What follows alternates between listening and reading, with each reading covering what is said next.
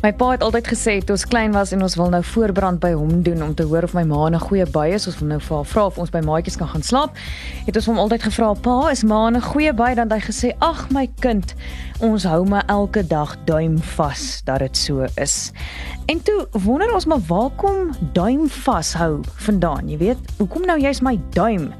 En het jy geweet die Engelse het hierdie uitdrukking hold thumbs direk uit Afrikaans geleen en nie andersom nie. So wat sal ons dit noem? Kom ons vind uit in Hoe nou. Hoe nou? Met Suan Miller Maree en Gerard van Huisteen. Hoe nou word moontlik gemaak deur afrikaans.com. Jou tuiste vir alles oor Afrikaans. Nou ja, as 'n mens soveel vrae op jou brein het, is dit altyd lekker om toevallig jou uh, ou dosent van die pik saam met jou te hê, hier oorkant in 'n pragtige opname ateljee in die stad van die vyand te kies. Hier in Pretoria professor Gerard van Huisteen, baie welkom. Dankie so aan, lekker natuurlik om ook weer saam met jou die ou radiolegende soos die huisgenoot jou genoem het. nie omdat ek oud is nie, nee, maar omdat ek lank op radio was vir so jong bok, nê. Nee. uh, om weer lekker saam met jou te kuier. Ag, stop dit. Nou jy sê Engels het vir 'n slag iets by Afrikaans geleen. Hoe nou? En wat noem mens dit? As iemand iets by Afrikaans leen, ons almal praat altyd van, "Ag, jy mag nie 'n anglisisme gebruik nie," maar nou dat die Engelse iets by Afrikaans geleen het, wat noem 'n mens dit? So so aan ons noem dit in Engels 'n uh, Afrikanerism, uh, in Afrikaans sekere Afrikanerisme of en in Amerikaanse Afrikanerism. 'n Afrikanerism. Afrikanerism. presies, yeah. presies. Nou die Engelse uitdrukking hold your thumbs is direk uit Afrikaans uitgeleen. En dit word in vele internasionale woordeboeke word dit aangedui, Engelse woordeboeke word dit aangedui dat dit uit Afrikaans geleen is. En dit kom meestal voor in Suid-Afrikaanse Engels.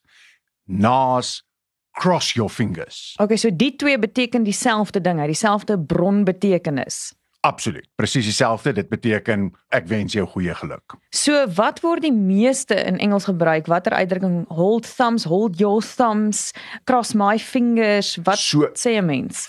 Verre weg. Die frekwenste in die Engelse wêreld is cross your fingers. Maar dan eh, so eh, as mens gaan kyk in Google se Ngram viewer, sê soms sien dit is verre weg die meeste is cross your fingers en dan daarna cross fingers om net te sê cross fingers, maar cross your fingers kom verre weg die meeste voor. Hoe doen mense hierdie tipe navorsing? Hoe kom jy agter watter spreekwoord word die meeste gebruik in 'n spreektaal? Ag, dis nou maar, jy weet, hoe weet 'n dokter jy het uh griep of jy het nie griep nie? Uh mens studeer maar daarvoor. So jy weet ek het maar 'n paar jaar jy het maar 'n paar jaar agter jou. Ek en ons is baie dankbaar vir jou wat ons bietjie meer gaan inlig daaroor. Net hierna gaan ons dan nou verder gesels oor waar kom die uitdrukking hou jou duim vas vir iets iets goeds wat moet gebeur of cross your fingers vir dan so iets goeds. Waar kom dit vandaan en blykbaar so ver terug soos die Romeinse tyd. Bly ingeskakel. Ons is net hierna weer terug. Afrikaans is so lekker soos koeksisters, braaibroodjies en kondensmelk koffie. Dit is jou taal. Dit is wie jy is en hoe jy leef. Daarom nooi ons jou. Kom skryf saam aan die toekoms van Afrikaans. Vir gratis leerhulp, taalnuus, vermaak, speletjies en meer. Besoek www.afrikaans.com en volg ons op sosiale media. Koop dit, lees dit, praat dit, leef dit. afrikaans.com. Jou tuiste vir alles oor Afrikaans. Jy luister na Hoe nou met Gerard en Swan en Swan en Swan. Welkom terug op Hoe nou en ons gesels bietjie meer oor duim vashou wat vir 'n slag 'n Afrikaanse uitdrukking is wat dan nou oorgeerf is van Afrikaans na ander tale soos byvoorbeeld Engels toe wat baie ook dan nou verwys na na hold your thumbs of cross your fingers wat dan ook al. Sê vir ons waar kom die uitdrukking dan vandaan? Klink my is lank terug wat hy die wortels gaan haal. So ons het dus in Afrikaans het ons hom gaan haal by Nederlands. Nederlands wat dit so Germaanse taal is, het hom weer gaan haal al uit die Romeinse tyd uit, né? Nee? So hier in die eeue al voor Christus het mense gelukbringers gedra.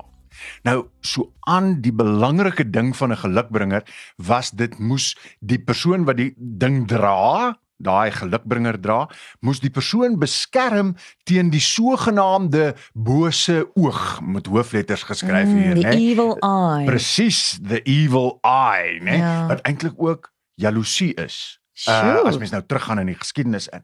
Dit was maar net soos vandag nog dra mense kruisies om hulle nekke of ander mense het 'n haas oor wat aan 'n spieeltjie hang of baie vreemde goed nee ek ek wou sê ek dis nogals moeilik om te dink watter tydperk van mense die meeste bygelowe het vandag se tyd of 1000 jaar 2000 jaar gelede dis maar nog altyd met ons nê nee, die gelukbringers altyd- om boosheid weg te hou Absoluut, absoluut. Nou in Latyn is dit 'n fascinum genoem, 'n fascinum en een van die gewildste fascinums was in die vorm van 'n duim wat vasgehou is. En daai duim het so uitgesteek tussen jou wysvinger en jou middelvinger. Het hy uitgesteek, nou jy kan dit daar voor jouself doen. Die duim steek so tussen die wysvinger en die middelvinger uit en toe nou later en dit dit het nou weer 'n hele geskiedenis daai ek wil nou teken. net sê daai is nie noodwendig 'n mooi teken wat jy nou hierso vir my wys nie vir jou nie 'n mooi teken nie, maar vir ander mense wel 'n teken van voel jy geluk. voel jy lekker as ek dit vir jou wys ek dink dis 'n toffie teken nie waar nie Ons kan net nou daarby uitkom. Okay. En toe die duim verdwyn tussen die twee, so dan hou jy jou duim letterlik As jy nou nie vas. meer 'n duim het in die ou dae nie, dan kan dis sê hulle toe maar dis reg, jy kan hom sonder die duim ook doen, dan sit ook 'n gelukbringer. Ek wil net sê dis baie oulik, want sê nou maar iemand steel jou haaspoot van jou nek af of jou kruisie uit jou handsak uit destyds, dan het jy ten minste nog hopelik jou Ja, hand. die die duim by jou om Ja, om te kan vas. En so het jy dan jou duim letterlik vasgehou. Nou die cross your fingers het heeltemal 'n ander oorsprong. Dit kom uit die Christelike tradisie uit. Nou kan jy vir jouself dink as jy 'n uh, vampier sien in een of ander film in Dracula of so, wat doen jy met jou vingers? Maak 'n kruisie. Jy maak 'n kruisie met jou twee vingers. En jy het nie altyd jou twee hande bymekaar om jou twee wysvingers te laat kruis nie. So dan kruis jy met die een hand Twee kruis jy vingers. twee vingers, jou middelvinger en jou wysvinger.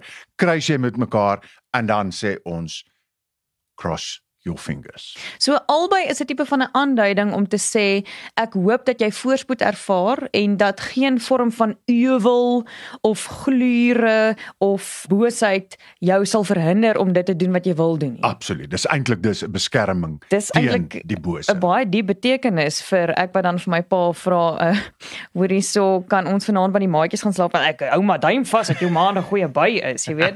Presies, dit het eintlik nogal 'n baie diep betekenis. En is ons die enigste land, ons en ons Engelse variante wat praat van hold thumbs, cross fingers, hou duim vas vir iets? So vandag word duime in die grootste dele van Noord-Europa gehou. Let- eh, figuurlik. v- figuurlik. Ja. Soos in Swede, Finland, Duitsland, Nederland en Pole om maar enkeles te noem. En dan in 'n klomp ander lande, meer na die suide toe, daar kros hulle hulle vingers, maar ook in die noorde, nê? So ook Engeland, Noorwe, Denemarke en dan Spanje en Frankryk en so aan, daar kruis hulle hulle vingers. Maar in Afrikaans en Suid-Afrikaanse Engels waar dit sy oorsprong het, die benoeming van die uitdrukking hou ons definitief duime vas as ons nie 'n toffie in die hand vashou nie. Presies. En gepraat van toffie. Gister kry ek 'n WhatsApp van 'n student, een van my studente by die Noordwes Universiteit, wat vra oor waar kom die woord toffie vandaan. Nou, jy het net nou dit al gesê, is dit nou nie toevallig dat toffie en die toffie teken dan nou weer iets heeltemal anders beteken as om duim, duim vas te hou. nie alhoewel dit baie keer dieselfde kan lyk of dieselfde oorsprong het. Nou, ek Presies. dink ons gesels dan volgende keer bietjie oor die woord toffie, die teken toffie en ook die eding toffie. En Graag. wat dit regtig met mekaar te doen het al dan nie. Onthou om uh, vir ons 'n uh, e-pos te stuur of jou mening te lig. Ons wil graag van jou hoor en van waar jy saam luister by hoe nou by gerard.pro of hoe nou @gerard.pro en dis G E R H A R D.pro. Tata. Hoe nou is saamgestel en aangebied deur Suan Miller Maree en Gerard van Huisteen en word moontlik gemaak met die tegniese ondersteuning van Marula Media en die finansiële ondersteuning van afrikaans.com. Jou tuiste vir alles oor Afrikaans.